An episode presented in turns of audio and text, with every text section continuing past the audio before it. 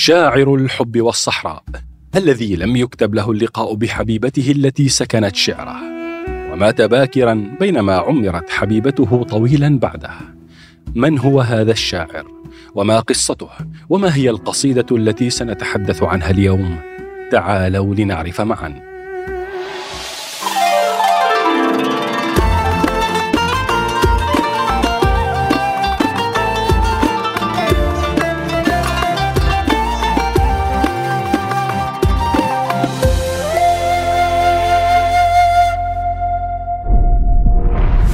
ذو الرمة واسمه غيلان بن عقبة العدوي.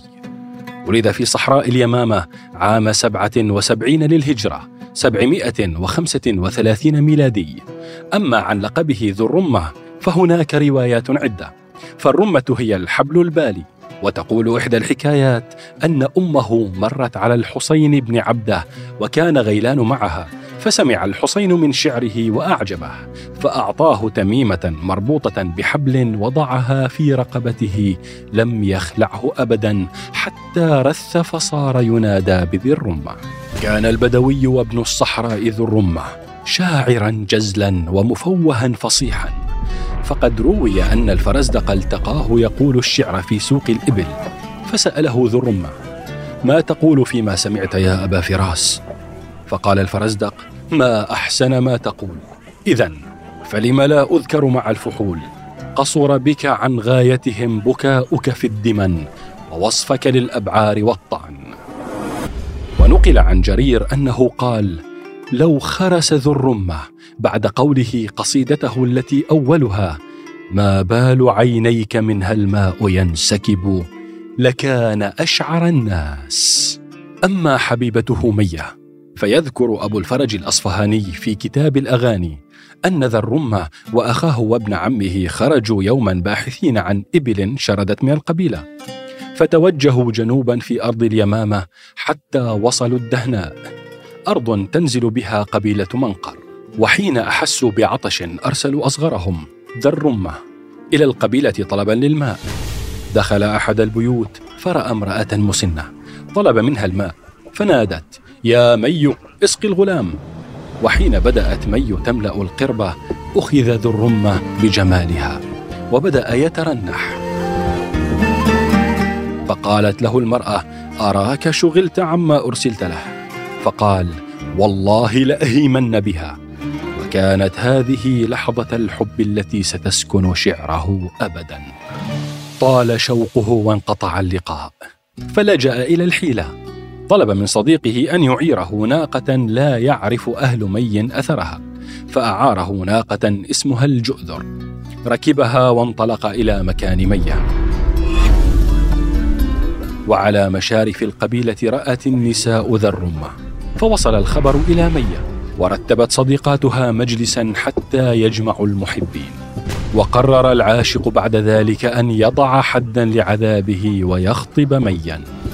ففاتح أخاه هشاما في الأمر لكن هشاما تحفظ على القرار لأن أهل مي أعلى منهم شأنا والزواج يحتاج مالا لا يملكه ذو الرمة إلا أنه لم يعدل عن قراره ولكن حمل نفسه إلى بلاطات الأعيان والأمراء والملوك يمتدحهم وكان ممن امتدح الخليفة عبد الملك بن مروان في قصيدته الأشهر والتي افتتحها بقوله ما بال عينيك منها الماء ينسكب؟ كأنه من كلا مفرية سرب. وفراء غرفية أثأى خوارزها. مشلشل ضيعته بينها الكتب. عاد ذو الرمة بعد رحلة بعيدة واغتراب طويل. يحمل شوقا كبيرا لمي ومالا ليتزوجها.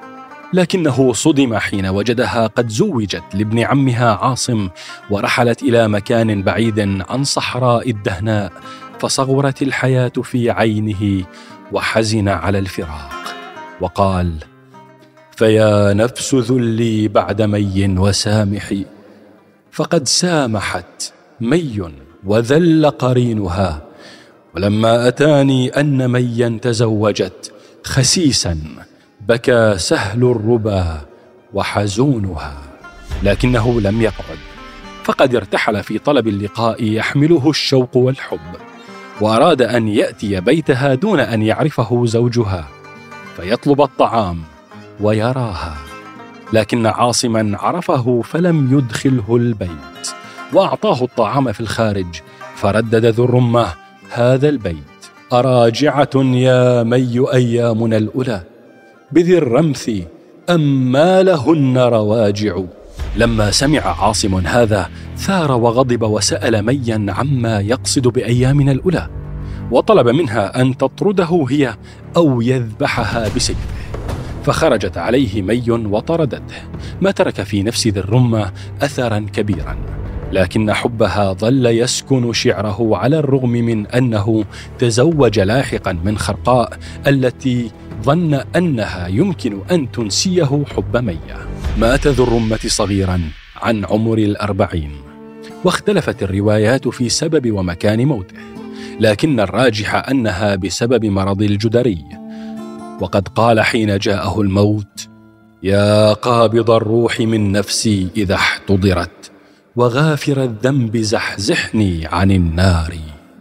وكان مما قال ذو الرمه في مي بعد أن انقطعت كل آماله باللقاء بها.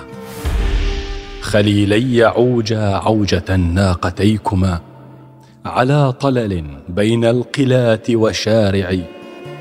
به ملعب من معصفات نسجنه كنسج اليماني برده بالوسائع. وقفنا فقلنا إيه عن أم سالم؟ وما بال تكليم الديار البلاقع فما كلمتنا دارها غير أنها ثنت هاجسات من خيال مراجع. ظللت كاني واقف عند رسمها بحاجة مقصور له القيد نازع كانا رمتنا بالعيون التي بدت جآذر حوضى من جيوب البراقع. إذا الفاحش المغيار لم يرتقبنه مددن حبال المطمعات الموانع.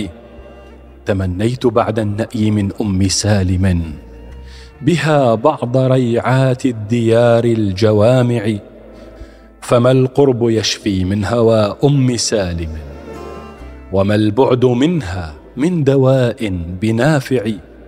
هي الشمس إشراقا إذا ما تزينت. وشبه النقى مغترة في الموادع.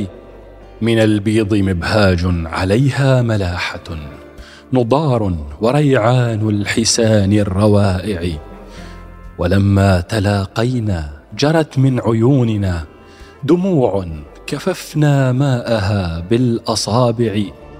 ونلنا سقاطا من حديث كأنه جنى النحل ممزوجا بماء الوقائع. كأني ورحلي فوق أحقب لاحه. من الصيف شل المخلفات الرواجع. ممر أمرت متنه أسدية. يمانية حلت جنوب المضاجع. وبالروض مكنان كأن حديقه. زرابي والشتها أكف الصوانع. إذا استنصل الهيف السفا برحت به. عراقية الأقياض نجد المرابع.